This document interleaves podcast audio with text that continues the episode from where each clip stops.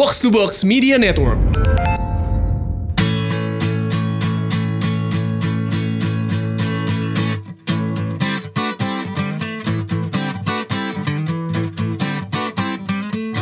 Untuk kesekian kalinya bintang tamu kita ini kita undang sebagai bentuk retribusi, sebagai bentuk permintaan maaf. Yo yo yo. karena di episode awal-awal eh, BKR Keberapa tuh ya gue sampai lupa. Yang ini. Keempat. Keempat ya, apa inget lu ya? Membekas soalnya di dia. Anjing itu jejak digital bangsa. itu anak gue juga pasti denger bangsat Makanya gue waktu itu bilang sorry enggak gue mau balas dendam bangsat.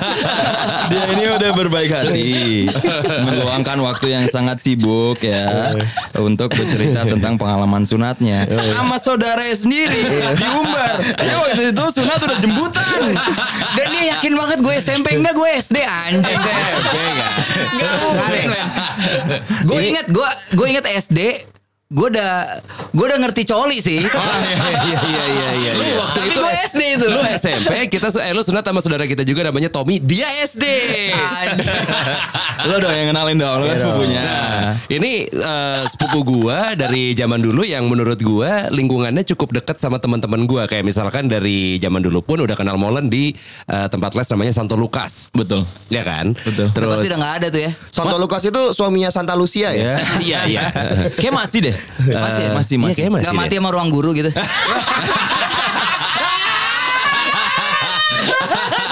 Jangan. Dia pasti mereka deg-degan sih ya. iya, Dan ini eh, filmnya yang paling baru baru keluar kemarin kemarin, Kemarin, tanggal dua tanggal ya? 2 tanggal 2. Tanggal dua. Tanggal dua. selamat ya enggak ya Selamat ya. Terima Selamat. kasih. Udah ada Angga Dwi Masa Songko nih. Brothers. Kemarin bikin Jumanji kan? Bukan, bukan.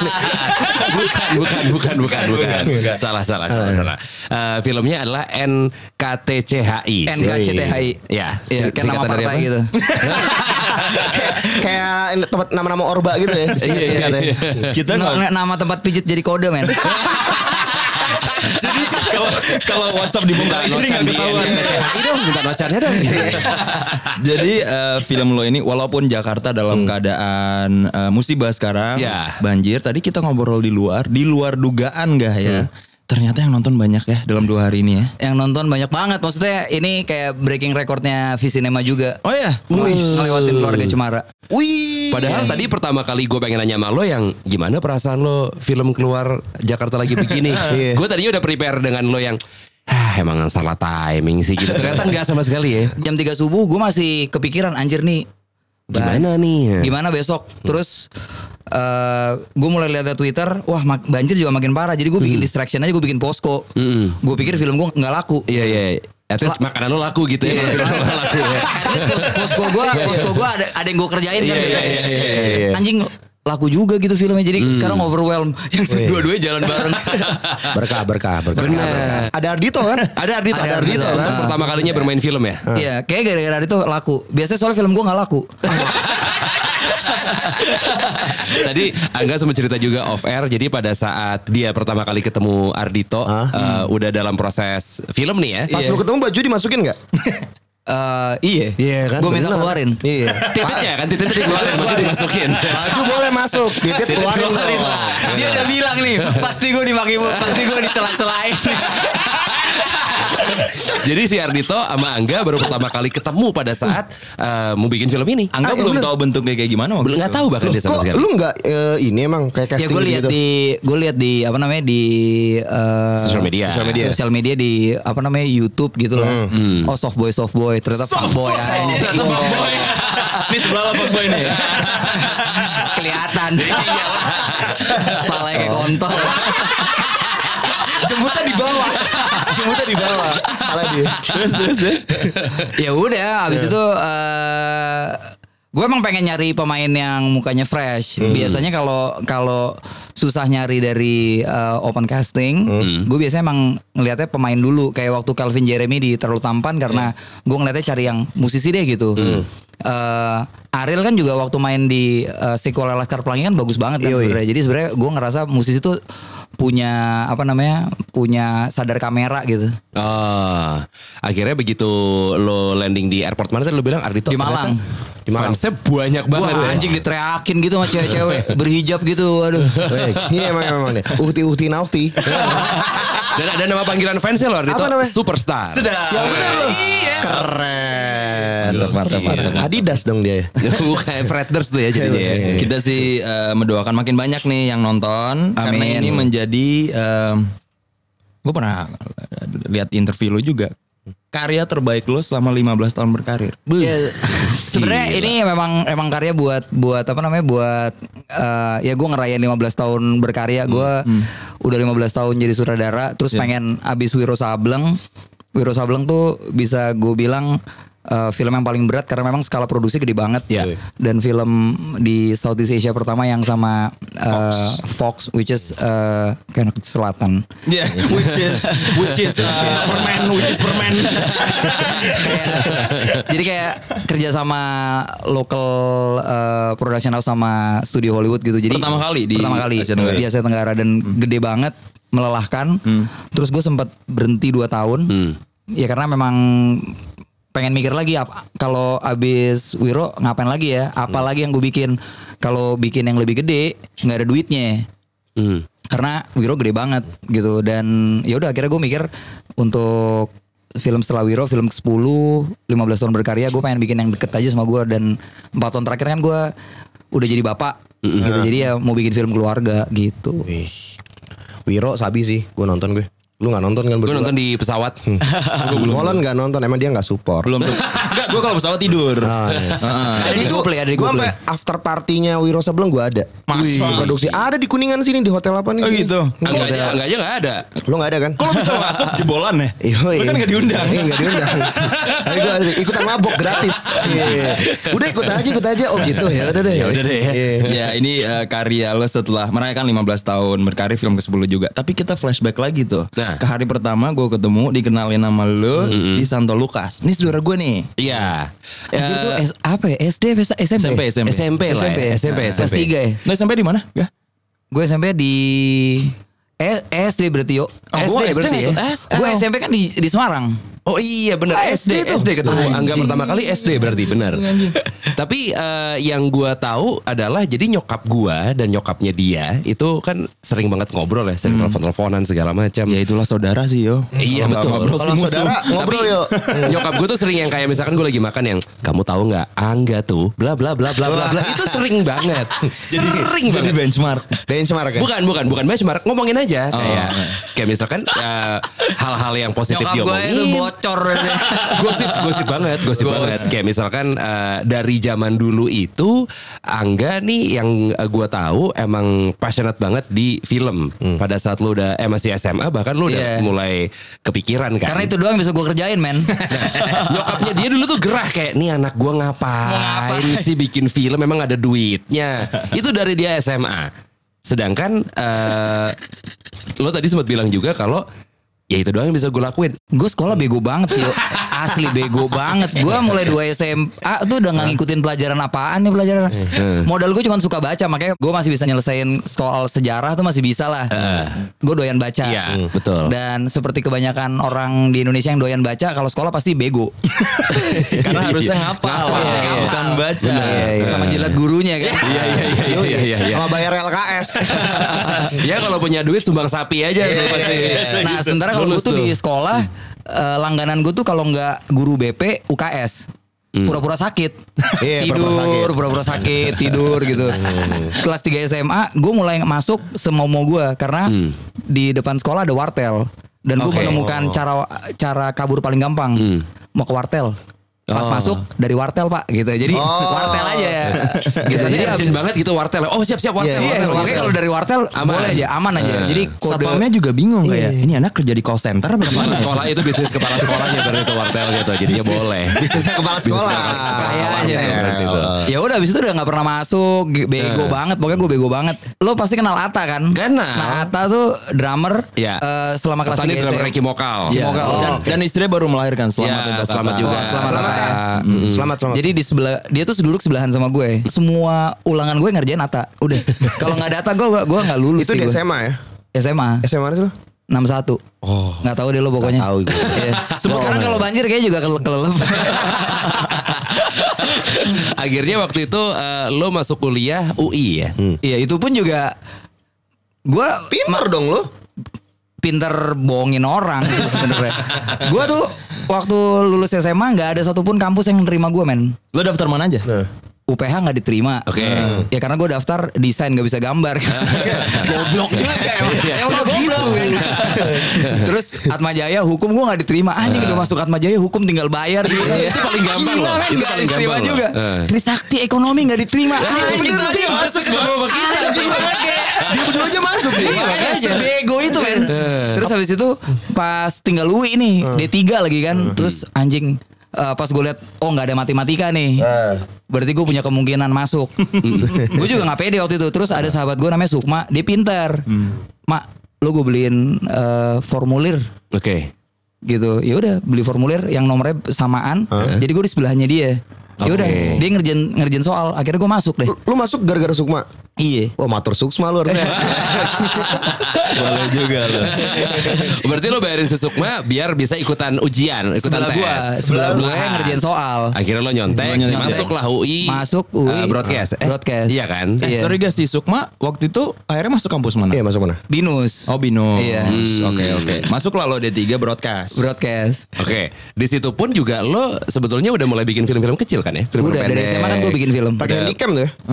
Ma pakai handycam dan waktu itu karena nggak punya kameranya jadi eh, misalnya hari satu hari pertama minjem temen di kelas sebelah Ah. Darwis kan minjem nama Darwis kan? Dari, dari study. dari study. Filmnya 3GP kan? dulu belum ada men kan belum ada handphone bisa iya, iya, iya, masih handycam. dulu masih ribet masih pakai mini DV Iya, iya, iya. Oh, ribet, bener, ribet bener, bener. banget dan besoknya gue pakai eh, Super 8 eh, apa namanya adalah kaset yang lebih gede punyanya tetangga gitu. Terus ngeditnya mesti ke glodok. Gitu dulu. PR banget ya. PR dulu PR banget susah banget bikin film dulu. Nah, pada saat lo lagi susah-susahnya bikin film, keluarga pun juga sebetulnya nggak selalu support juga dari awal kan? keluarga gue kayaknya lebih kayak ya udah deh yang selama dia ng- nggak mati OD kayak nggak apa-apa. apa aja deh gitu udah hopeless kayaknya bokap nyokap gue juga Nyokap gue gitu bilang soalnya itu tadi eh, mama habis teleponan sama tante ini gitu. Eh, si Angga katanya sekarang bikin film. Emang film tuh ada duitnya ya? Wih, Yang bener nyokap lo ya. Itu jadi si nyokap gue itu mengiyakan si nyokapnya Angga. Emang film ada duitnya mbak? Iya ya, gitu. Emang ada ya, gitu. Jadi terus makanya. gue pernah lulus kuliah Heeh. masuk Astro Oh iya benar. Iya, gue masuk iya. Astro. Lo masuk Astro. Masuk benar. Astro karena gue pernah bikin film. Jadi gue masuk Astro udah nggak pakai ijazah, dapat posisi lumayan tinggi. Wih. Yang gantiin gue tuh eh, Si Dita. Adita kakak ipar gue. Iya. kakak ipar gue. Adita. Gajinya umur du- umur 20 tahun, gajinya 2 digit. Untung gak OD. Yo, Terus Bangkrut tapi itu Astro. 6 bulan 6 bulan gue resign. Kenapa? Bosan. Padahal udah secure secara Udah finansial. maksudnya tapi bosan aja. eh, Bukan itu yang lo cari soalnya. Jadi tem- bahkan dia tempat ngeditnya kan deket deket Citos. Hmm. Gue tuh bisa sampai dapet eh, gratis parkir sebulan di Citos karena kerjanya dari Bolak-balik, ngedit, bolak-balik, bolak-balik. bolak-balik, bolak-balik terus bosan. Pas gue resign, nyokap gue marahnya sampai nangis-nangis men. Wah, bener lu. Lu mau kerja apa lagi?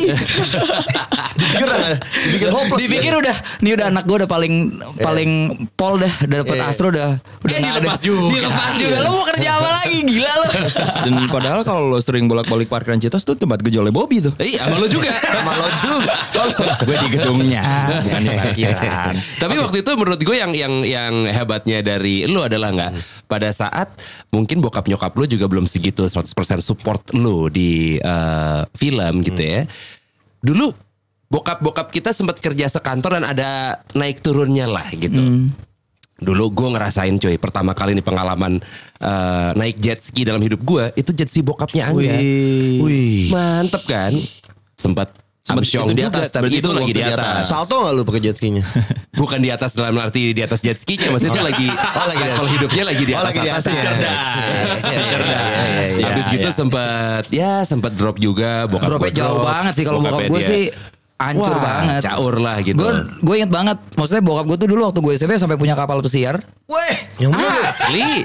Beneran. Gue SMA tinggal satu rum, satu keluarga di satu di satu kamar. Nah, Bedanya dari tuh. SMP ke SMA. Lu bisa bayangin gak Itu maksudnya? itu timelinenya deket banget loh. deket banget timelinenya. Deket banget. Bukan yang kayak 10-15 tahun kemudian Enggak, enggak, enggak. gitu. Tiga, Bener-bener yang- Tiga tahun langsung jeder gitu ya? iya, tiga tahun gokil gitu. Ada langsung. culture shock gak sih di situ? Enggak sih. Enggak ya? Enggak. Ketika perpindahan set-set gitunya. Enggak juga sih. Tapi keluarga lo panik nggak? eh keluarga gue ngadepinnya gue nggak tahu ya bokap nyokap gue ya tapi maksudnya kita sih ngadepinnya kayak ya udah ya udah aja sih Kalau anak-anaknya sih menurut gue emang emang kuat dan kayak ya, Ya udah. begini keadaannya ya gimana Ya caranya udah. kita mesti survive. Keluarga lo juga waktu itu. Iya, karena em, kita kayak gitu ya maksudnya nggak Sam- cuek aja ya Somehow sebelum akhirnya kapalnya karam tuh gua dan yang lain-lain kayak udah mulai mencium bobo tengik tuh nggak lo. Jadi begitu akhirnya karam, ya gue udah tahu juga gitu. Jadi mental secara mental lo udah siap. Bukan yang kaget yang kok bisa gini gitu enggak. Jadi udah siap lah. Kalau gue boleh tahu ya, waktu itu bokap-bokap kalian menceritakan ke lo gimana? Apa lo tahu sendiri aja gitu? Gua akhirnya menyimpulkan sendiri karena bokap gua bukan tipe yang ngobrol hal-hal kayak gitu sama anak-anaknya. Ya budaya timur banget ya. Iya. Sama sih. Iya kan? Sama. Jadi kurang lebih gue menyimpulkan sendiri kok. Oh kemarin masih ada mobil ini tiba-tiba udah kok sekarang berubah jadi panther busuk nih. Yang kemarin ini ke mana? Biasa gitu. logat Bali nih, biasa logat Bali masih kalau main penter nih. Hanya mau. empat puluh empat ribu rupiah sampai di Bali. Nah. Nah pada saat tadi keluarga lagi struggling, lo masih kekeh banget di film, bikin mereka yakinnya tuh gimana nggak? sebenarnya kan karena kalau gue mau punya keinginan apa gue harus bayarin sendiri kan. Maksudnya harus financially independent. Kita dari dulu emang udah Iya, agak dibiasain kayak gitu ya. Iya dan dan lo tau sen- maksudnya kita sama-sama ngerasain dari SMA tuh kayak kalau mau ngapa-ngapain ya mesti kerja sendiri. Lu Iya, di radio gue di film gitu kan. Maksudnya eh, sebenarnya karena gue kekeh di film karena itu tempat yang bisa gue ngasilin duit sih kayak, Iya, iya, kayak iya. gue kerja di film beneran dari nol banget Nol maksudnya banget beneran ya. dari Hmm. dari ma- dari magang dari kerjaannya di bully dimaki-maki eh nggak dianggap ada gitu dari situ sih maksudnya ya karena mungkin gue tetap ada di sini gitu ya karena itu satu-satunya tempat gue bisa ngasilin duit mungkin saat itu gitu ya tempat pragmatis lo gitu main, tempat lo kerja, Iya. tempat lo ketemu orang-orang gitu dan ya. cuma itu doang yang bisa gue lakuin kayaknya waktu itu emang itu doang yang emang lo yang lo tahu dan yang lo Iya. suka dan yang lo jalanin gitu akhirnya ya lo stay di situ aja ya. Tapi gue tuh baru inget, gue ngobrol sama Gina gitu ya. Gina tuh penulis uh, sutradaranya dua garis biru. Dia tuh teman gue dari SMA. Ya. Kita tuh baru lo inget. kuliah bareng juga bukan? Kuliah bareng Iya. juga. Jadi gue tuh sebenarnya sama Gina dagang film tuh dari SMA. Hmm. Jadi setiap kita habis bikin film pendek, kita tuh pakai TV-nya sahabat gue yang gede. Hmm. Kira tahun- lah. Iya kayak gitu. Kira Rabaso. Toshiba men, Toshiba. Dramatic Vision. Toshiba Dramatic Vision. Tabung. Pakai Toshiba terus eh, kelas ditutup pakai karton hitam, Hmm. masuk bayar 2000 Wah yang bener. Anjir. Iya. Bikin bioskop pop up sendiri. ya. Yo, bikin bioskop sendiri itu dari dua SMA. Gue baru juga nyadar waktu pas lagi ketawa-tawa gitu yang Gina baru tahun tahun ini kan tahun 2019 Iya, baru rilis filmnya ya. dua setengah juta yang nonton kan gitu juga. Wah gila gitu. Tapi kita sebenarnya kita tuh udah dagang jadi nggak nggak asing gitu karena kita dagang film memang dari, Dari SMA. SMA. Dari ya. dari 2000-an loh orang masuk. 2000-an kan? Iya, Itu 2000-an. filmnya eh, temanya apa aja waktu itu lo? Ada yang horor, horor-horor kagak serem gitu sih sebenarnya. itu yang lo dagangin pun udah film sendiri berarti. Iya film Udah, sendiri, film Oh, sendiri kita short, bikin, short gitu. kita bikin, habis kita bikin kita kita Ya, lo jual nih. Iya kita Lo bayar jual. 2.000 kalau mau nonton. Iya bayar 2000 lo kalau mau nonton. Pada mau nonton goblok kan. Udah pinter bohongin orang lah dari dulu ya. Kunci sih bohongin orang. Bohongin orang, ya. Modal gue mah bacot. bagus bagus bagus bagus. Kalau misalkan eh, film lo yang baru keluar ini kan kerja bareng sama istri, Iya. ya kan? Dan udah lama juga. Berapa? Ini bukan film pertama lah ya. Iya, bukan film pertama. Lu udah berapa tahun berarti kerja bareng sama istri lo? Kayak dari 2009. Hmm. 2009. Setahun setelah Visinema jalan lah. Waktu pacaran naksirnya gara-gara film atau gara-gara hal lain? Waktu pacaran naksirnya gara-gara dia main ke kampus gue. Ah. Dia, Gitu. dia kampus mana? Dia anak Trisakti kayak Oh. Trisakti. Ah. Yoi, dia kedokteran kan? kedokteran terus dia main dia main ke diajak ada project kampus gitu dia main dia main ke kampus terus ya udah Dan Di dulu dia situ. siaran juga Prambors. Iya, dia kampus. Uh, dan ya dia kalau gua berangkat kuliah ya dia dia yang gue dengerin Oh iya, iya, iya, iya. Gitu lah. Anjing. Aku lagi dengerin kamu loh. Request lagu dong buat aku. buat diri sendiri. Mau lagu apa? Nada surf inside of love. Tapi gak bahwa akhirnya Anggia nggak menyentuh sama sekali kedokterannya itu setelah lulus. Iya. Sempat sih sedikit. Sempet ya? Ya, sempat Sedikit. bentar lah ya waktu itu Iya. ya. Heeh. Tapi ya dia juga sadar kali buat jadi dokter yang mapan kan butuh bertahun-tahun. Eh, sementara Ah, fuck lah kedokteran. Ya fuck lah kedokteran ya. Mendingan bikin film, bikin film aja lah. itu gue jarang tuh denger ada orang ngomong fuck lah kedokteran. Dan itu benar sih dia fuck lah kedokteran gitu, kedokteran gigi fuck lah. Fuck lah menyembuhkan orang-orang sakit. Kayak gitu juga. Nggak gitu ya. Karena kan balik lagi. Kalau misalkan nyokapnya Angga, nyokapnya lo bilang emang ada duitnya di film. Kalau orang yang lihat kedokteran aman. Oh, aman. Valid. Iya. Dia nggak ada masalah tuh waktu eh, bilang ke orang tuanya bahwa gue nggak mau nih nyentuh kedokteran. Nah, menurut aku kedokteran fuck. Iya. Aku mau kedokteran film aja lah. kedokteran film. Iya. Ya mungkin karena udah ada Visinema jadi udah mulai lebih kelihatan ya ada duitnya gitu ya. Jadi eh, lebih settled lah. Okay. Visinema sekarang udah berapa tahun? 11. 11 tahun. 11 tahun.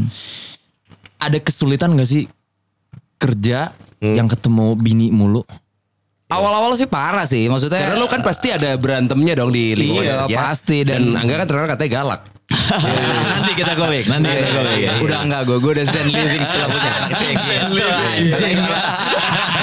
Galak, galak, galak. Eh, Sebenarnya eh, awal-awalnya pasti ya, maksudnya kan lo kerja punya te- pasti punya tension Iya. satu, terus punya hierarki. Mhm. Iya. dua, terus abis itu eh, tension pekerjaan, apalagi dulu Visinema kerjaannya lebih banyak eh, commissioning, jadi kayak punya klien gitu-gitu. Nah itu juga dan ya awal-awal sering, tapi kan kemudian ya kita belajar lah ya, maksudnya eh, mulai tahu kotaknya mana, terus abis itu eh, Anggia juga mulai mulai uh, pindah dari tadinya dia di make up terus ke wardrobe.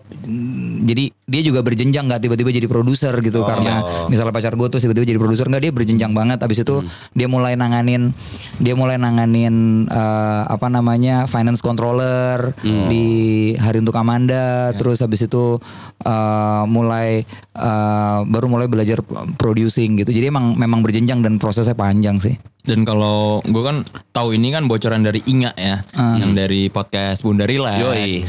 Itu Anggia udah dua kali jadi bintang tamu di situ dan dan gue dikasih tahu mereka bahwa logo Visinema itu adalah anjing lo yang yang udah Yang yang hilang ada waktu itu ya. kan? Iya. Hilang ya. Iya. Hmm. Itu tuh statement bahwa Visinema tuh ya gue sama Anggia gitu. Hmm. Maksudnya eh, ini tuh tempat gue sama Anggia berkarya. Bahkan logonya anjing kesayangan yang Kalian, baca hmm. yang bacain Visinema Pictures-nya anak kita. Betul. Kalau lo nonton film kita tuh ya itu suaranya Rigel. Jadi Iya. segitu personalnya Visinema buat kita gitu. Ini tuh eh, part of the family gitu. Itu aja sih sebenarnya. Kenapa kita bikin logonya anjing dan anjing kesayangan dan suaranya anak kita. Hilangnya tahun berapa? Dua setahun dua tahun lalu lah. Setahun dua tahun lalu. Bobby baru-baru ini ngerasain kayak gitu, Bob. ya? Gue Agustus kemarin, Labrador gue diambil orang. Anjing. Diracun dulu lagi. Kalau gue tuh kayaknya dia udah mulai tua, Hmm. Oh, terus abis itu ada kesempatan kabur, pikun. akhirnya kabur Oh, dan kabur dia? kabur dan hilang. Pokoknya hilang aja. Pokoknya dia keluar, terus hilang dan penglihatannya emang udah nggak bagus. Oh, udah, udah berapa tahun sih? Udah 12 lebih Oh, udah- lah. udah tua. Anjingnya apa? Eh, Shih Tzu. Wah, kecil lagi. Hmm. Dan itu nangisnya berhari-hari men. Oh iya, Oh, gue setuju. kusutnya berhari-hari. Maksud gue kalau misalnya lo lihat meninggal kan lo tahu ya. Maksudnya Iya. lo lihat lo lihat ya udah dia Oke ini udah ada kesimpulannya udah gitu. nggak ada gitu. Kalau gue tuh Iya. kayak berhari-hari kayak orang bego sih kayak Asli. yang anjing dia diapain ya, eh, dia di mana ngapain, terus hujan Hmm. kita kebayang kalau dia ada geledek dia tuh takut Asli, gitu-gitu. asli. Hmm. Si cricket namanya cricket, gue tuh sulit punya anak kan. Gue gue sempet tiga setengah tahun nggak punya anak dan Hmm. apa namanya. eh, gue struggle lah di awal-awal awal-awal pernikahan karena karena beda agama gitu Iya. kan Eh, pernikahannya beda agama dan ya dia tuh yang si anjing ini yang nemenin kita berdua gitu kayak kayak anak Melewati pertama itu sebenarnya. semua. Udah ya. family. Iya dan anak gue tuh manggilnya abang. Abang. Ah. Karena tuaan dia. Apalagi di kali tujuh kan. manggilnya abang jadi kayak ah, pas hilang tuh begonya seminggu lebih sih gue. Setuju nggak lo? Kalau menurut gue kehilangan anjing tuh eh, lebih parah. Men, gue mendingan diputusin pacar dibanding kelingan anjing. Eh, gue udah lupa sih diputusin pacar rasanya kayak apa. Bobby masih sering. Lu masih sering, Bob. Masih sering.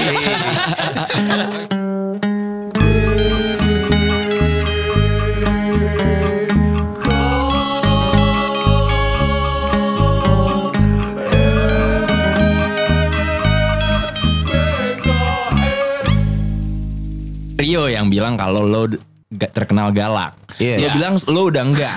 Tapi bocoran. Gue pernah kok. Gue eh, produksinya kan ngomong galak katanya. Kapan nih? Kapan nih? Ini pas Wiro sekarang nih? dia, Oh, dia ngerjain Sableng. wardrobe-nya Wiro Sableng. Ini bocoran dari salah satu Anjing. salah satu pemain yang sekarang. Iya. Oh. Dia bilangnya nggak galak. Ini masih diplomatis. Dia bilang, Angga tuh masih sering megang kamera sendiri gitu ya. Ya. Masih dia yang nge-shoot scene-nya. mhm. Gitu kan. Terus Kameramennya? bukan itu, bukan. Enggak, enggak. Ini gue pegang kamera sendiri. Oh, iya, benar, iya, iya. Bukan, bukan dia. Tapi kan gue jadi pertanyaan lanjutan gue. Dicek nih. Hati-hati lu, ntar bisa gak dapet job lu tuh. Pertanyaan. Hati-hati lu. Enggak fansnya banyak. Pertanyaan, Oh Ardito, kita mau Ardito ya? pertanyaan gue yang selanjutnya kan ke orang ini kayak, loh kalau Angga yang megang kamera, kameramennya ngapain? Ya ngikutin aja di belakang gitu. kayak shadow cameraman gitu. Ya enak gaji buta. Enggak sih. Jadi sebenarnya eh, kalau di NKCTHI kameranya dua. Dan kam dan eh, direktur fotografi gue paling senior di Indonesia. Oh, oh Jadi gitu. Sugandi. Hmm. Dia yang bikin eh, The Photograph, dia yang bikin Pasir Berbisik. eh, Wah. One of the best lah. Maksudnya gue respect banget sama dia. Tapi kamera kita dua. Oke. Jadi kamera kita dua, kamera keduanya gue yang pegang memang. Oke. Jadi kamera kedua gue yang pegang. Eh, untuk momen-momen yang emosional, gue pegang sendiri. Karena gue yang ngikutin emosinya pemain. Gitu. Oke. Jadi kayak momen-momen yang emosional gue pegang sendiri. Terus momen-momen yang ada Itu emang dari awal udah persetujuannya gitu? Udah, udah. Oke. Dan momen-momen yang band manggung gitu. Hmm. Gue pengen bikinnya style kayak video klip. Itu gue yang pegang sendiri. Karena kan pasti geraknya Ya. luas banget kan. Jadi emang emang perjanjian dan sebenarnya director pegang kamera tuh nggak tabu sih. Oh gitu ya? Gitu. Director pegang kamera tuh nggak tabu karena kadang-kadang kamera tuh kan medium-media bercerita. Ya. Somehow ada uh, scene-scene yang memang emosional, dia butuh koneksi sama pemainnya, maka kameranya dia yang pegang supaya uh, kedekatan lensa, uh, gerakan gerakan emosi gitu biar biar uh, Dapet lah gitu dapet. ya. Hmm. Kalau lo kalau lo buka behind the scene Joker misalnya lo akan lihat sering Todd Phillips tuh pegang kamera ketika kameranya deket banget sama Joker. Gitu. Karena uh, at some point misalnya DOP-nya udah siapin udah set. Jadi DOP-nya yang nyeting semua kameranya lighting semuanya udah setting. Ya. terus biasanya Pak Pak Yadi juga nawarin Pak mau pegang nggak? Gitu. Terus baru gue pegang karena Oke. dia tahu di style directing gue kamera tuh bergerak ngikutin emosi gitu bukan cuma ngikutin blocking Oke. Kayak misalnya kadang-kadang eh, kadang-kadang suka patah apa gitu-gitu karena memang emosi emosi eh, pemainnya. Berarti gue salah. Gue gue sangka soal control freak. Salah. Oh. Ternyata memang ada emang tidak tabu Iya. dan gayanya Iya. enggak. Tapi Kalau misalnya kayak misalnya- sering gak lo pegang kamera Iya. di film-film lo? Nggak terlalu sering sih karena gue selalu kerjasama sama DOP DOP yang keren-keren. Maksudnya udah udah udah udah bagus gitu. Iya, iya. Dan ya kadang-kadang eh, lebih banyak di momen-momen emosional yang gue pegang. Tapi kalau misalnya eh, suka lihat foto behind the scene gue ada di kamera, biasanya itu belum syuting. Jadi biasanya prosesnya gue sama DOP diskusi, kita framing pakai viewfinder, kayak alat gitu untuk tahu. Habis itu kameranya ditempatin, terus kita nyari, kita pertama pasti nyari nomor lensa yang paling fit in sama emosinya. Misalnya bisa 25, bisa 35 atau 50 setelah dapat nomor lensanya baru kamera movement. Nah, biasanya eh, pas di kamera movement gue ada di atas kamera untuk ngikut ah, maksudnya untuk bikin moodnya tuh speednya seapa, terus blockingnya semana, siapa dulu yang di siapa dulu yang di cover, terus pindah ke mana, di dialog apa, gue harus briefing semua. Oh. Nah, habis itu udah selesai, udah ukur fokus dan segala macam, blocking udah udah settled, gue turun dari kamera di di operate DOP sama- langsung ya? Di OP. Gitu. Karena ini lah banyak banget juga director yang males. Maksudnya? Ya udah kerjanya duduk di monitor aja di tenda Oh gitu. mau Oh, tidak banyak. menyentuh kamera sama sekali. Tidak menyentuh kamera, semuanya Itu semuanya menurut lo karena semuanya, malas atau emang bukan style mereka? semuanya pakai HT, eh, ngomong sama pemain pakai Astrada, banyak banyak Oh, ada gitu ada ya? beberapa juga yang kayak gitu. Maksudnya yang eh, main HP, semua orang yang kerja sama gue tahu banget kalau gue tuh pengen sedekat mungkin sama kamera dan set. Jadi gue malah kadang-kadang gue nggak duduk di monitor, gue punya monitor kecil yang gue pakai wireless gitu, terus gue jalan-jalan. Oke. Oh. Jadi gue bisa, gue bisa misalnya kamera deket sini pemain, gue bisa menyentuh pemain gue, terus habis itu action gitu. Atau misalnya gue bisa duduk di bawah pemain gue, Pas dia lagi di blocking. pas lagi dia lagi take di atas gitu kamera, terus gue bisa duduk di bawah pemain gue. Oke. Berarti untuk menjaga tadi kedekatan sama set, kedekatan sama pemain. Nah itu gue cinta banget pekerjaan gue. Wah iya santai Gitu, santai. maksudnya, ya, karena itu. Tapi karena karena banyak banget. Kelihatan, Di- Bang, kelihatan. ampun bang, ampun. Iya, director yang take it for granted aja sih. Maksudnya ya udah kerja, duduk, udah ada Astrada. Memang di banyak situasi terutama di studio system gitu ya. Ya Astrada emang yang harus yang harus komen. Emang tugasnya. Iya harus Ya komen. kan? Tapi eh, di indie filmmaking nggak gitu. Gitu di indie filmmaking lebih nggak punya Maksudnya lebih nggak punya batasan, nggak punya comment system tuh lebih lebih lebih cair lah gitu. Itu lu udah pernah nanya sama si pemainnya yang pada saat lagi take lu ada di bawahnya gitu kayak "Eh, lu sebenarnya nyaman gak sih ada gue di sini gitu. Lu pernah nanya gitu nggak? Gini, mereka malah maksudnya kalau gue men-set up cara bekerjanya dari awal. Hmm. Jadi reading sama gue. Oke. Terus setiap pemain yang mau main di film gue selalu punya sesi sendiri sama gue. Bisa Hmm. makan siang, makan malam gitu. Kita ngobrol banyak, gue cerita tentang style kerja gue, apa yang gue expect dari dia. Eh, gue Film- galak loh gitu ya. Filmnya kayak apa? iya bener maksudnya gue bilang gue gitu ya? Iya gue gue nggak suka telat. Gue eh, ini bukan bisnis perasaan ya jadi jangan baper-baperan. Dari awal lo Iya, make it clear. oh, ya. iya, ini bukan bisnis oke. perasaan. Gue nggak Oke. peduli sama perasaan lo. Nah. Jadi Gitu. kayaknya emang yang terkesan galak justru adalah emosi dia yang passionate banget sama Iya. with, with your Iya. craft ya. Betul, mungkin betul. ya. Kayaknya Mungkin. kayak gitu. Nah kalau soal tadi kedekatan itu disetujui oleh eh, si si si sumber gue yang satu ini dia bahkan bilang bahwa Yang kita belum tahu Yang kita semua ya kan? tahu. Nah, Gak belum boleh tahu loh. Nggak boleh tahu. nggak boleh tahu. Jadi dia bilang pada saat nunggu mungkin ganti set atau nunggu eh, take. Angga dan pemain-main main truth order. Nyet, lo kan udah tua, masih main truth order anjing. Ya cair Kayak gak ada mainan yang lain gitu ya. Karena Lu gak mau, nggak mau nyoba taekwondo? Karena sebenarnya sebenarnya yang paling penting dari proses kita kerja antara director sama pemain tuh believe in each other gitu. Ngerti nggak? Dia percaya sama gue karena eh, dan gue percaya sama dia. Itu yang bikin kita bikin kita bisa Dekat. Iya. ngasilin yang terbaik di di eh, depan depan layar. Jadi gue gue kayak misalnya gue sama Chico sama Rio ya akhirnya jadi sahabat gitu. Misalnya banyak banget gue sama pemain sama Oka gitu persahabatannya masih jalan gitu sih. Oke. Besok-besok mainnya yang agak dewasa lah kuda tomprok. Galasin. Kalau gini Sebenarnya bukan truth order. Kapan? ABC 5 dasar bro Oh, ABC Oh, 5 ABC 5 dasar Kalah truth order Lain kali per- permainan buat aktor-aktor baru aja nih nggak ide aja dari gua. Digas. Iya.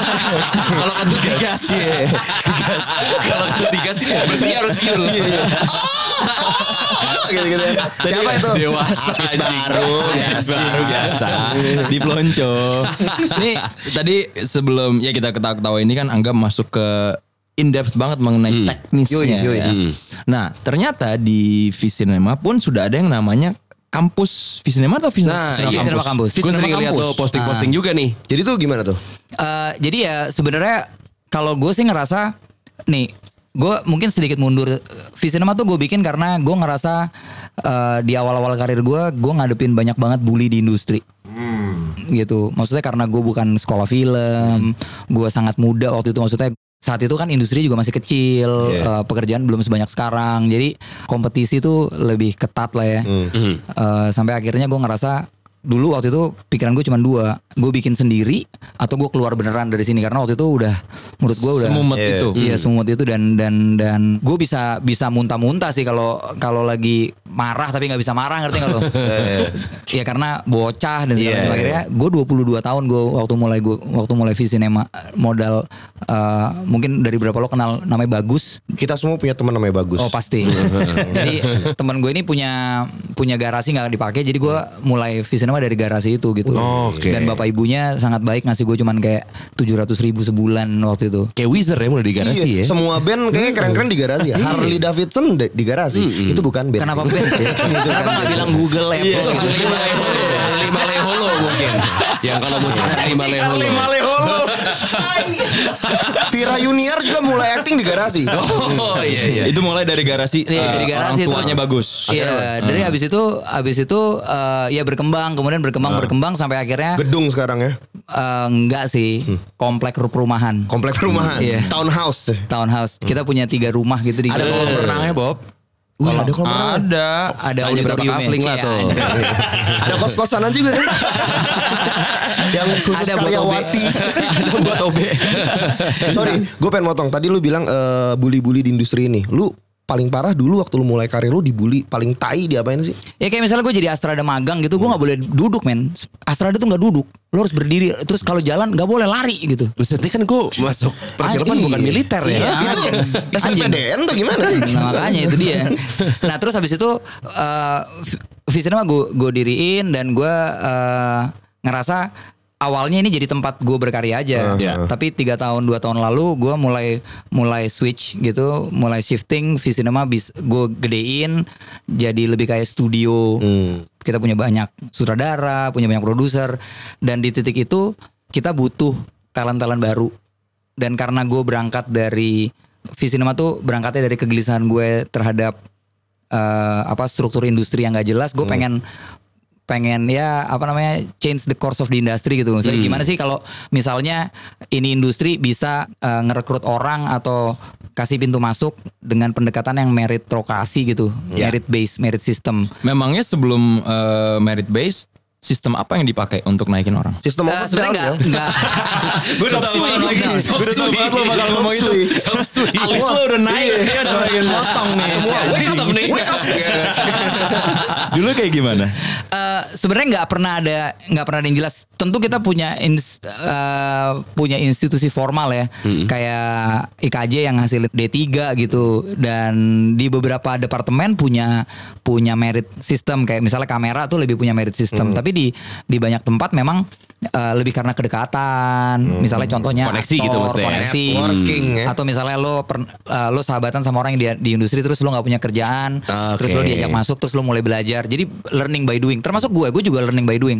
Menurut gue kalau misalnya dulu pakai merit system mungkin gue juga nggak jadi sutradara sekarang Oke. gitu. Akhir-akhir ini gue juga menyadari bahwa ada banyak sekali orang-orang yang terutama di luar sana pengen masuk industri film bahkan belajar S2 di USC, di London segala macam tapi nggak tahu cara masuknya. Nah, Visinema Kampus sebenarnya salah satu tempat juga untuk menjaring ini. Jadi kita kita istilahnya talent development program. Tapi juga kita bikin eh, kelas-kelas untuk upgrade capacity teman-teman di industri termasuk internal Visinema kayak kita eh, ngundang profesor screenwriting misalnya dari USC terakhir tahun lalu Tom Abrams buat bikin kelas selama satu bulan di sini untuk para penulis baru. Iya. Eh, penulis-penulisnya kita kumpulin 10 terbaik bisa ikut programnya tanpa bayar. Terus eh, kita ngundangin aktor-aktor untuk datang ke kampus kita untuk dapat seminar gratis juga dari Tom.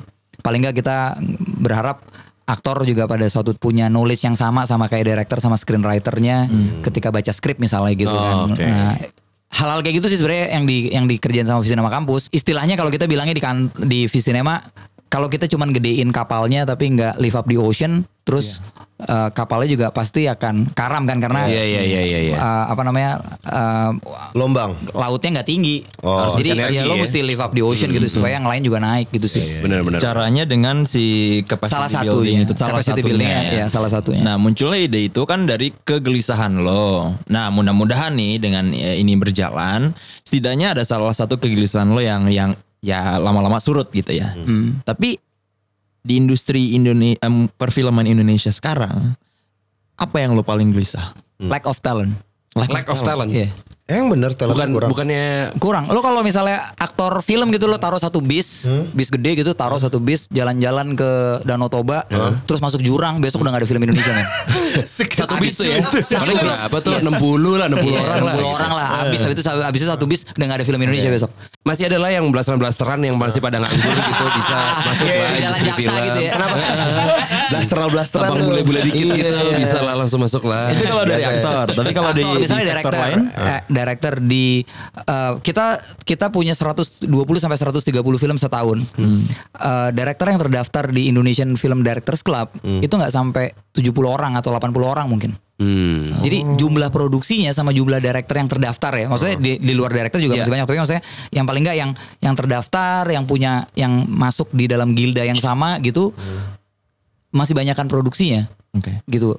Kalau Joko tadi malam di Joko Anwar tadi malam di, di Twitter ditanya sama followernya, Bang Joko penulis skenario Indonesia yang bagus berapa? Lu tau nggak Joko jawab berapa? Berapa? Tiga, Anjing. Tiga. tiga. Kalau gua masih ngerasa adalah kira-kira sekitar tujuh delapan masih ada. Bahkan tapi gak nyampe 10 juga. Gak nyampe tetap ya. 10 Makanya di Visinema sekarang kita bikin skriptura Kayak writer's room Oh. Jadi kita tarikin fresh graduate Nulis muda Sekarang kita punya 9 9 itu di training di training tiap hari dikasih kesempatan kerja, dikasih kesempatan pitch gitu-gitu supaya ada penulis-penulis baru yang terdevelop. Karena kalau industrinya hari ini take it for granted, maksudnya nih ini lo bisa bayangin industri film Indonesia tuh sekarang lagi seksi-seksinya, di mana duit dari luar negeri aja banyak yang mau masuk mau invest di sini. Problemnya adalah kalau kita take it for granted, udah kita bikin film aja deh. Mumpung lagi penontonnya lagi gede Iya, karena iya. penonton 4 tahun terakhir tuh dari 15 juta jadi 50 juta. Wah, gila jauh banget ya. Gila banget. Dalam empat tahun. Jadi makanya semua makanya duit dari Malaysia, Singapura tuh pengen banget masuk Iya. ke sini karena marketnya gede, Iya. marketnya lagi gede dan sekarang teater udah uh, screen udah 2000 lebih. Hmm. 2000 lebih layar. Gue ngerasa kalau misalnya udah 5000, 10000 gaya-gayanya aktor-aktor itu udah naik private jet gitu. gitu ngerti gak maksudnya? Emang enggak ya? Segede gitu maksudnya dan itu emang nggak- direkturnya enggak ya? Gue denger-denger beli mobil pakai cash. Jadi BMW seri 5 cash aja lah. Santai. Sans, sans, sans. Jadi eh, potensinya segitu gede tapi Ya. tapi ya talentnya masih kurang. Jadi Ya. maksud gue take it for granted kalau misalnya kita sekarang sebagai produser atau sebagai perusahaan film kerjanya cuma mau produksi aja, mau main aman aja tapi lupa bahwa kita harus juga ngembangin talent. Maka di satu titik kita akan saturated juga sih industrinya. Oh, oke. Dia dia Iya, lagi, iya, dia dia iya. lagi. Iya, Lo benar, udah mulai ngerasain kan, anjing nih director dia dia lagi, dia Iya. dia lagi. Misalnya ada Aktor satu director begitu sih. Aktor Iya, juga pun gitu. begitu gue kayak oh dia lagi. Nah, maksudnya aktor tuh kan yang lo, lo lihat kan. Iya. Yang nggak lo lihat kayak misalnya ada satu director bisa bikin film horor satu tahun lima gitu. Iya, iya, iya, Gue iya, bingung nih gimana kapan syutingnya, kapan ngeditnya gitu. Tapi ya bisa Bisa. terjadi. Jadi Ini kita aktor semua loh. Lu gak mau pekerjaan kita? Kalau talent capacity building lagi. Iya. Tadi lo bilang bahwa industri lagi seksi, artinya dari capital investment tidak ada masalah. Ya. Harusnya nggak ada masalah. Harusnya tidak ada masalah. Kalau soal kritikus, Iya. Masalah banget. ya kritikus tuh kritikus tuh menurut gue salah satu apa ya stakeholder. Iya. Kenapa kalau nggak ada kritikus orang kayak gue terus diskusinya sama siapa? benar. Gitu. Itu Kalau- memperkaya industrinya juga lah kritikus. Iyalah, misalnya kalau kita cuman mau ngobrol sama penonton, akhirnya kita glorifikasi diri kan? Iya, Iya, betul. iya, Kayak, wah penontonnya suka, Iya. uh, di retweet retweet udah, habis itu selesai di situ dapat penonton jutaan, habis itu udah, habis itu bikin hal yang sama, bikin hal yang sama. Terus siapa yang baca karya kita? Hmm. Ada banyak review-reviewer independen yang mereka punya podcast, mereka punya akun YouTube uh. YouTube gitu, dan mereka bisa ngomong apa aja. Menurut gua itu haknya mereka. Mereka nonton bayar, terus itu juga medianya mereka, media Iya. mereka. Mereka berhak mau mau bego-begoin, mau ngata-ngatain, mau nggak punya nggak punya referensi tapi ngomong itu udah haknya Iya, mereka. serah. Heeh. Tapi yang gue ada dua hal yang gue gelisahkan juga nih kayak misalnya ketika mass media kayak eh, apa namanya media online atau media cetak yang menempatkan kritikus yang gak capable, akhirnya kritikusnya cuma ngomong soal seleranya tanpa mampu membedah sebuah film dalam konteks filmmaking, teknis, budaya, Actingnya lah. social issue atau apa pun atau relevansinya sama dunia hari ini gitu. Iya, itu iya, kan iya. itu kan yang sebenarnya yang yang membuat kita sebagai filmmaker tuh akhirnya melihat sesuatu yang nggak kita lihat. Eh. Kalau lo cuman bilang bahwa ah gue nggak suka kameranya goyang-goyang, emang kamera-kamera gue kenapa kalau gue mau goyangin? Iya, serah gue. iya, kamera-kamera gue. Ini galaknya keluar. galaknya keluar. Terus kayak misalnya ada ada yang aku kritikus gitu eh, ngeritik film eh, Love for Sale misalnya harusnya bukan ceritanya Ari ini nih harusnya ceritanya Richard. Lah duit duit gue mau mau gue bikin ceritanya hari ini. Kawin sama kura-kura. Urusan gue. Nggak? itu kan bukan Iya, iya. bukan ranah kritik. Harusnya bukan poin itu. bukan poin itu kan? Maksudnya lo harusnya membedah filmnya gitu. Tapi kan balik lagi ga, kita eh, kita ta- dari tadi ngomongin bahwa masalah capacity memang belum nyampe situ. betul. Berarti memang kemampuan kritikusnya belum bisa untuk itu yang. Sebenarnya banyak banget kritikus film yang punya kemampuan nulis tapi nggak dikasih tempat sama medianya. Oh, Jadi mungkin. menurut gue salah satu problem problem besarnya kita tuh sebenarnya mass media kita juga lama-lama kehilangan relevansi sama media-media independen kayak misalnya podcast lo gini yang non linear gini. Ya contohnya misalnya nih banjir nih. Ah. Yang dibahas masalahnya politik aja. Iya, iya, ya kan? iya, siapa iya. gubernurnya? S- sekarang gubernurnya dulu gubernurnya salahnya apa sekarang gubernurnya salahnya apa segala macam. Malah problemnya cli- climate change misalnya. Betul, betul. tapi climate change nggak pernah dibahas. Sama kayak di kritikus film. Nyarinya clickbait. Pokoknya kalau misalnya diomongin jadi clickbait kan? Maksudnya jadi jadi gede. Karena kritikusnya eh, reviewnya ngebahas soal lebih ke taste gitu misalnya. Selera nggak apa-apa, pribadi, selera nggak apa-apa. Ya. Lo memasukkan taste lo nggak apa-apa, tapi lo punya tanggung jawab untuk publik teredukasi terhadap tulisan lu. terhadap terhadap filmnya, cara memandang film, literasi kan. Maksudnya kritikus itu kan sebenarnya fungsinya buat Betul. buat eh, akselerasi penonton untuk punya literasi media, literasi film lebih baik gitu Iya. kan, supaya penonton lebih pintar gitu. Bukan untuk sekedar mendengarkan Keluh selera kesah. keluh kesah selera Keluh kesah dia. lo jadi netizen aja keluh kesah gue juga nggak Iya. bakalan gue nggak bakalan ngomel nggak bakalan galak anjing Terakhirnya galak juga anjing ngegas. tapi kalau udah pakai punya media massa udah pakai redaksi segala macam tapi keluh kesah keluh kesah Ah, not my cup of tea. Not my cup of tea, tai kucing lah. Lo bikin Twitter aja men. Berarti tai-tainya industri film itu sebetulnya menurut lo. ya salah satunya maksudnya. Salah satunya? Iya, Hmm. gini. Kalau misalnya director nggak punya uh, sparring partner Ya. untuk untuk untuk belajar Betul. gitu, ya kita Keenakan akan sih.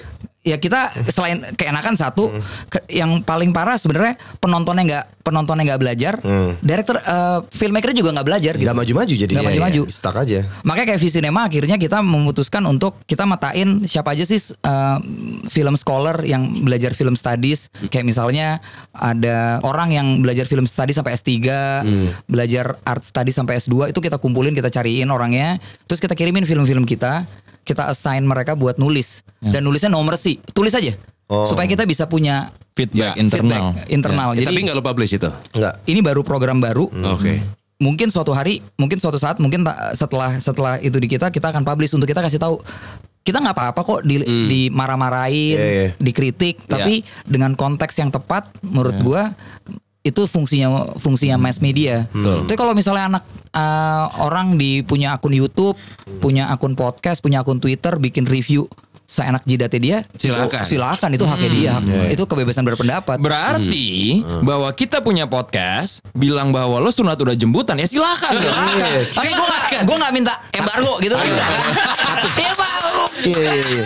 podcast lo men. Tapi lu ada orang yang nyamperin lu, emang lu udah jemputan waktu disunat? Ada nggak yang kayak gitu? Ada anak-anak kantornya dia, anak-anak buahnya lebih tepatnya. Ya bener lo. Anak-anak anak-anak kantor gue ya ketawa-tawa aja sih anjing emang. Kenapa bisa nyampe ke sini?